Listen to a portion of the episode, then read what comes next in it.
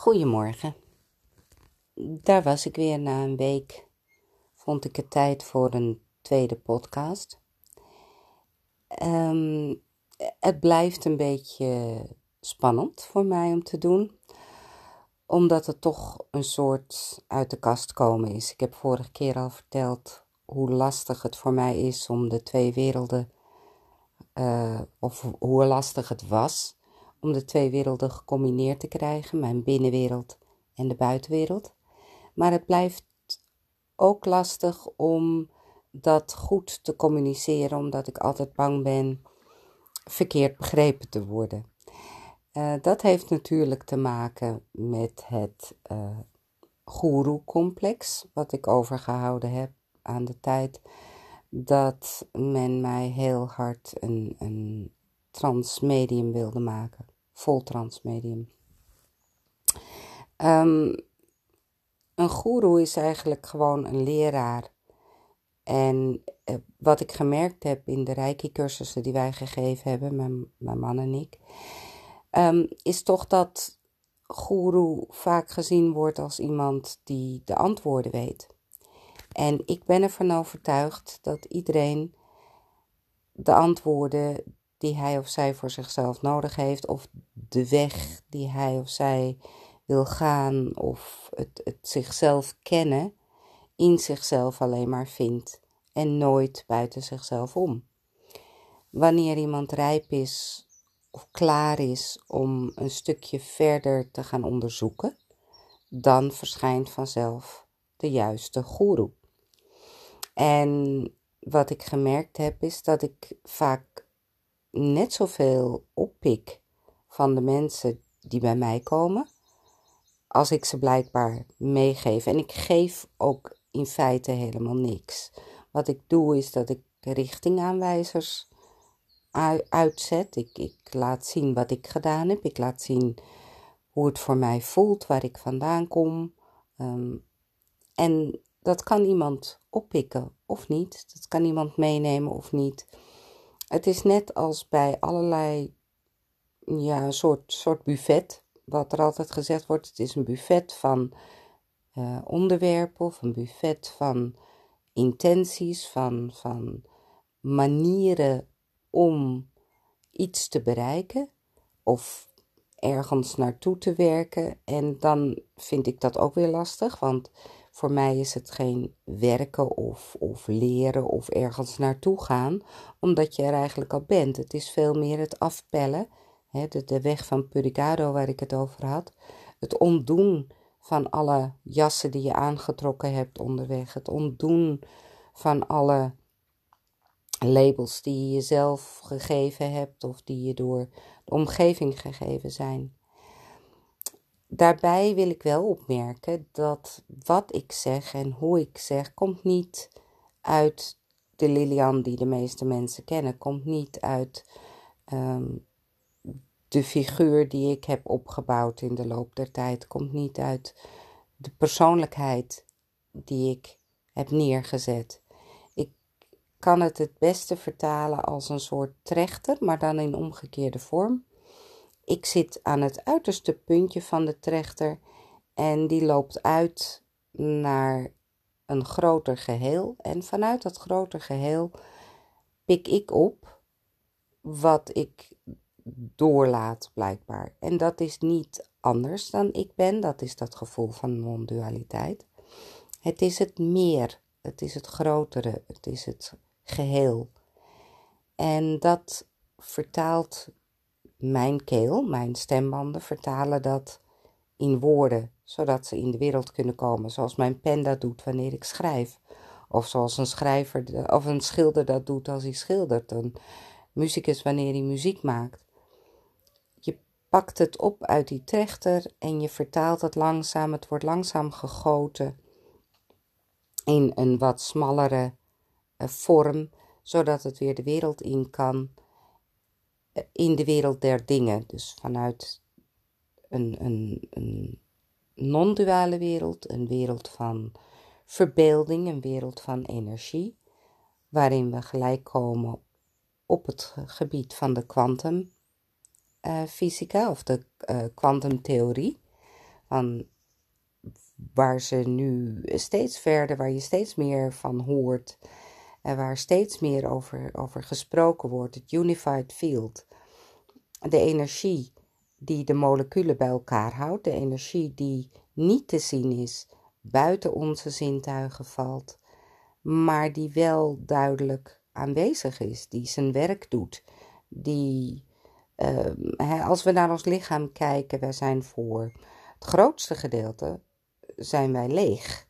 En daar zit een energie tussen al die moleculen die ons bij elkaar houdt en die ons lichaam maakt tot wat het is. Dat is bij een tafel zo, dat is bij een plant zo, dat is bij alles wat wij in omgeving waarnemen.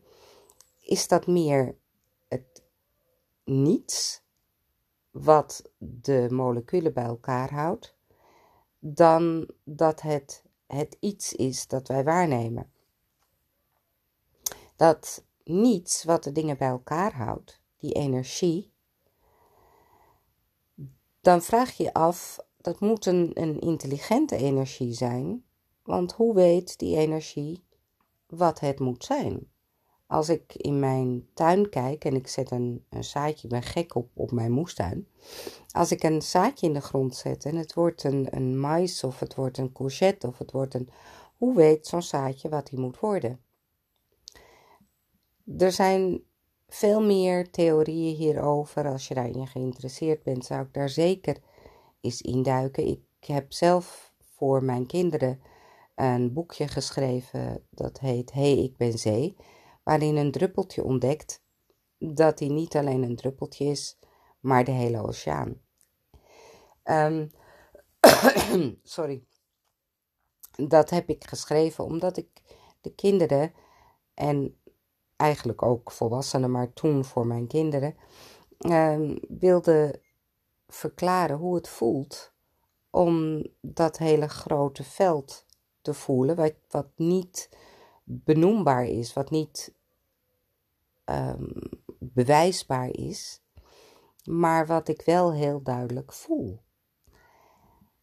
Dat gevoel van non-dualiteit, dat gevoel van die wereld achter mij, om mij, waarin ik besta, waarin ik een identiteit heb opgebouwd, dat die wereld geeft een enorme um, eenheid en rust en veiligheid. Iets wat we juist in deze dagen, dacht ik, wel heel goed kunnen gebruiken. Dat is ook de wereld waarin ik, waar, waar, die ik jullie zo graag zou willen laten zien. Um, ik hakkel en stotter een beetje, omdat ik probeer die, die verbinding goed te leggen en duidelijk te maken dat het niet mijn woorden zijn, dat het niet mijn wijsheid is, dat het niet mijn um, lessen, mijn, maar dat het de weg is die je zelf, of de weg, dat het de manier is waarin je jezelf terug kunt vinden. Want als kind had je het. Als kind was je puur, als kind was je open, als kind stond je open voor alle indrukken om je heen. En toch had je al een bepaalde grond, een bepaalde aarde waarop bepaalde zaadjes wel ontkiemden en andere niet. Dat is nou precies waar ik in deze podcast naar terug wil, naar het begin. Omdat, niet omdat ik wil dat je gaat graven in je verleden of um, je situatie van vroeger naar voren haalt. Of hè, zoals psychologen en psychiaters waarvan ik uit ervaring kan zeggen dat het me weinig heeft gedaan. Ehm, niet dat ik dat naar voren wil halen en dat je dan gaat zeggen van ja, zo ben ik en zo zit ik in elkaar. Maar juist om te zien wat al die jassen zijn die je aangetrokken hebt. Wat, wat die persoonlijkheid is die je hebt ontwikkeld. Niet om hem overboord te zetten. Want het is prachtig dat we zo divers zijn. Het is prachtig dat we allemaal onze unieke kijk op de wereld hebben. Ik zeg altijd, voor mij is het zo alsof uh, God, dat, ik ben katholiek opgevoed, dus ik noem het heel vaak nog God, door verschillende brillen kijkt om zichzelf waar te nemen. En hoe mooi is dat, dat je dat op verschillende manieren kan doen. Zoals wij allemaal op verschillende manieren naar een schilderij kijken, allemaal op verschillende manieren uh, muziek waarnemen en dat op verschillende manieren ervaren.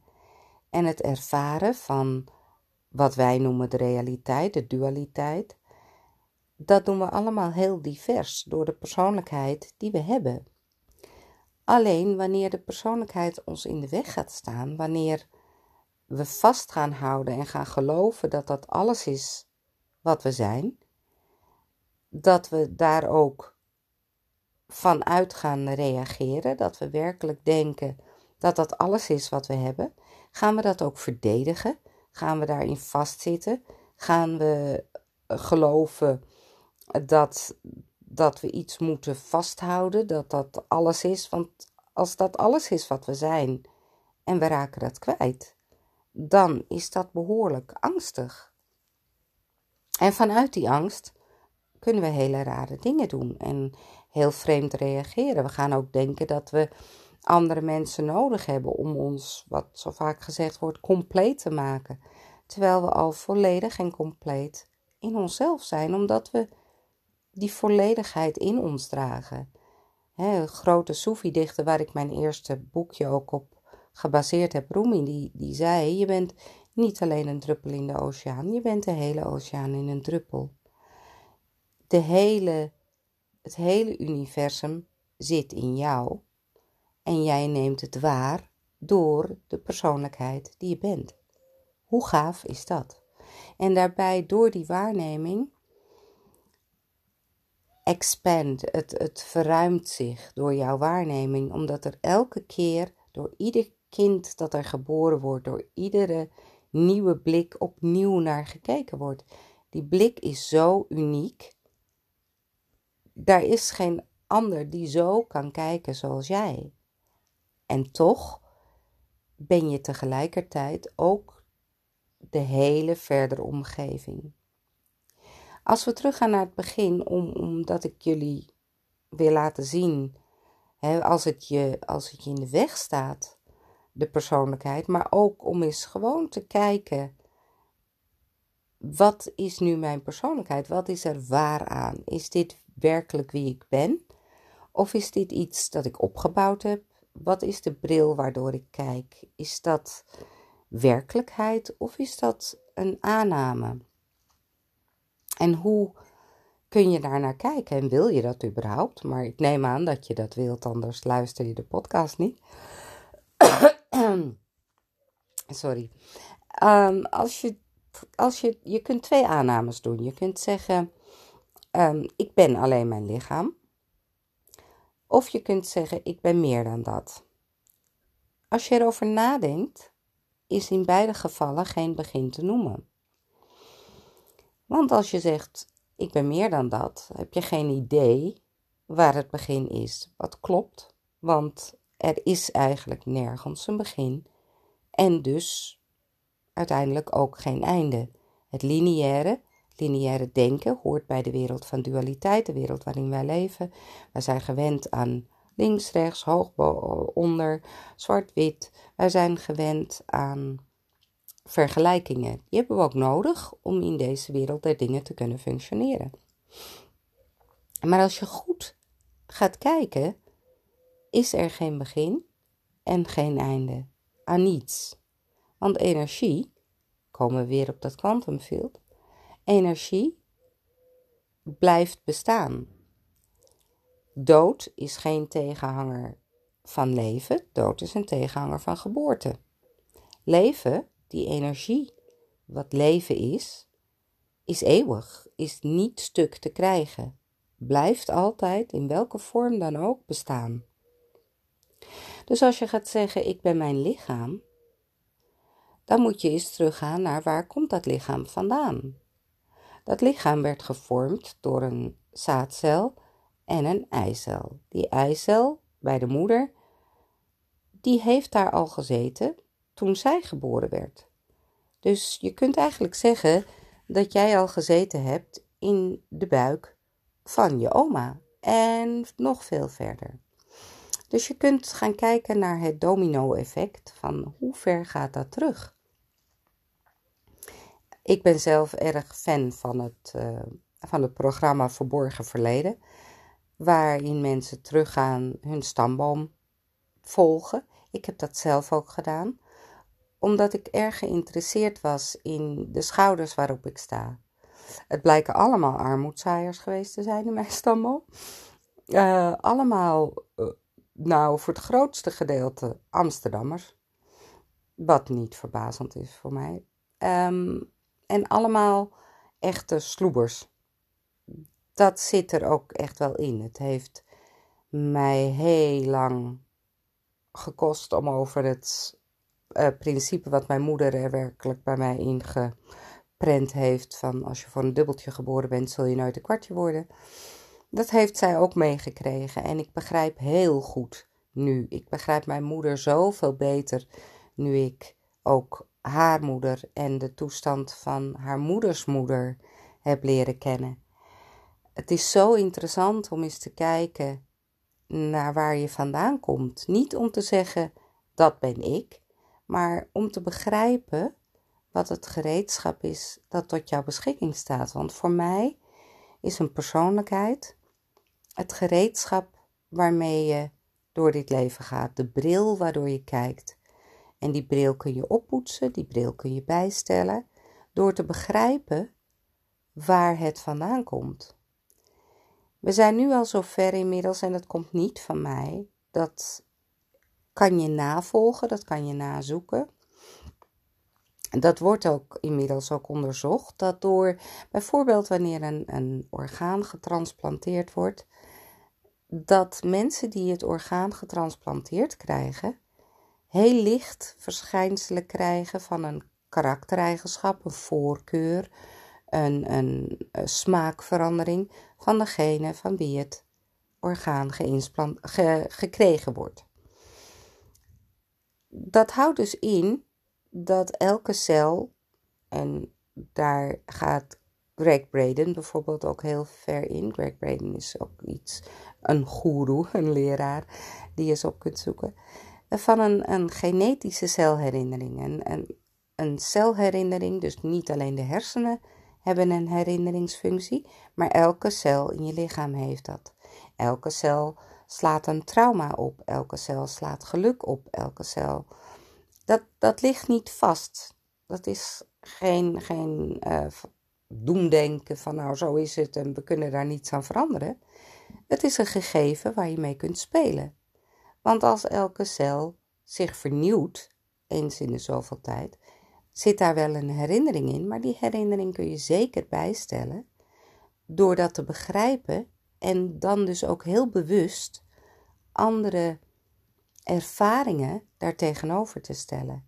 Heel bewust daarmee om te gaan door te weten: oh, ik reageer zo, want dat zit erachter.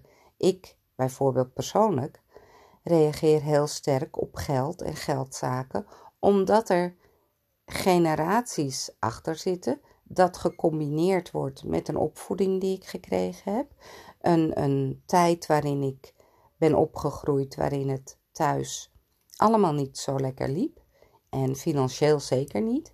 Dat heb ik allemaal gecombineerd. Dat is op mijn aarde gevallen. Daar zijn plantjes uitgegroeid. En daar is wat we dan noemen onkruid, iets wat is gaan woekeren uitgegroeid. Nu ik dat begrijp en toen ik dat ben gaan zien, kon ik dat niet 1, 2, 3 verwijderen, natuurlijk niet.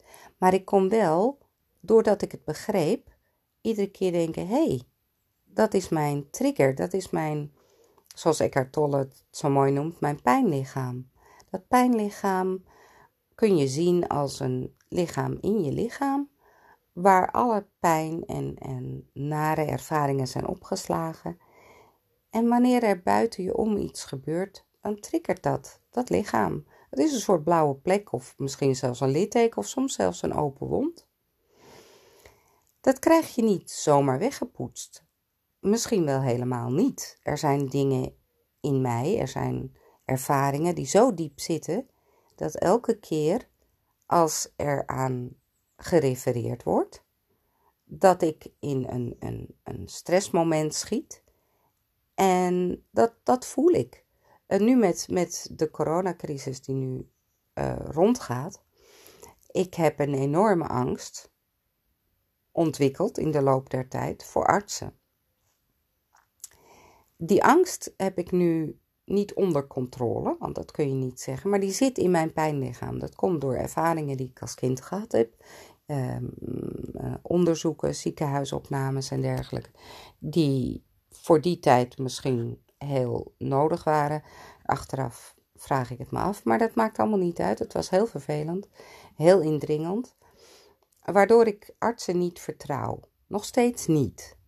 Nu ben ik volwassen, ik kan daar ik kan dat plaatsen, maar ik weet dat het loert. Ik moet daar iets anders tegenover stellen. Wil ik daarmee om kunnen blijven gaan? Het heeft mij in de eerste weken van deze crisis overgenomen. De angst, de, de paniek, de, uh, ja, de, de, de. Maar, en dat had niet zozeer met die corona te maken, als wel met het feit: oh, ik kan aan de goden overgeleverd worden, aan het ziekenhuis, aan de artsen. Dat heb ik bij moeten stellen. Dat heeft me echt wel wat bijsturing gekost. Het is niet zomaar weg. Het zit in mijn pijnlichaam. En dat hebben we allemaal. We hebben allemaal van die triggers hè, waarvan je dacht dat ze al hoog en breed een plek hadden gevonden. Wat ik een prachtige uitdrukking vind die ik persoonlijk nergens op vind slaan. Want een plek vinden wil zeggen dat het er dus nog gewoon is. En dat het ten alle tijden naar voren kan komen. de prachtige uitdrukking van Ramdas. Als je denkt dat je. Ramdas is ook een guru. Als je denkt dat je verlicht bent, ga dan eens een weekje bij je familie wonen. Nou, dat zie je nu ook weer in deze crisis echt duidelijk naar voren komen. Dat triggert behoorlijk. Familie triggert.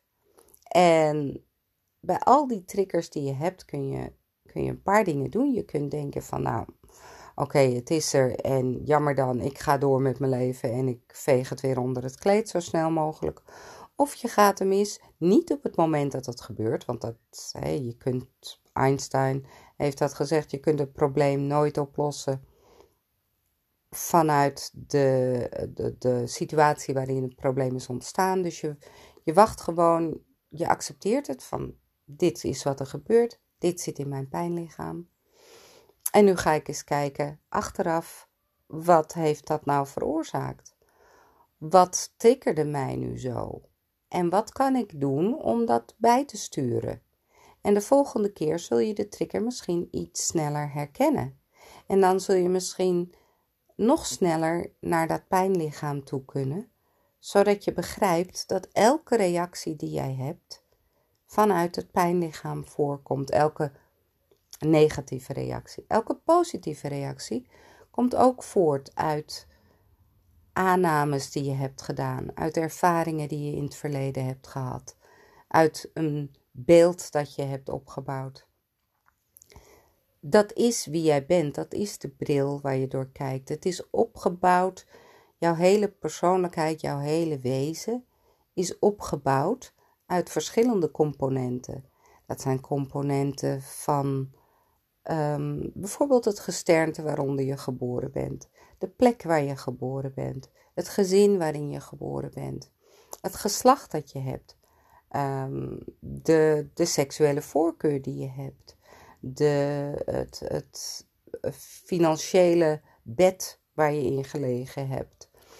Um, de generaties voor jou, de schouders waar je op staat, het bloed dat door je aderen stroomt, het DNA. Al die componenten vormen de grond waar jij door jouw waarnemingen, die al beïnvloed worden door al die componenten die ik net genoemd heb, op die aarde laat jij dus onder invloed van al die componenten, laat jij planten groeien en dan zeg je, dit ben ik. Dit ben ik. En dat klopt. Het ik, wat je benoemt, is dat allemaal. Het denken, de gedachten, de emoties, allemaal. En dan kun je gaan kijken, is dit alles?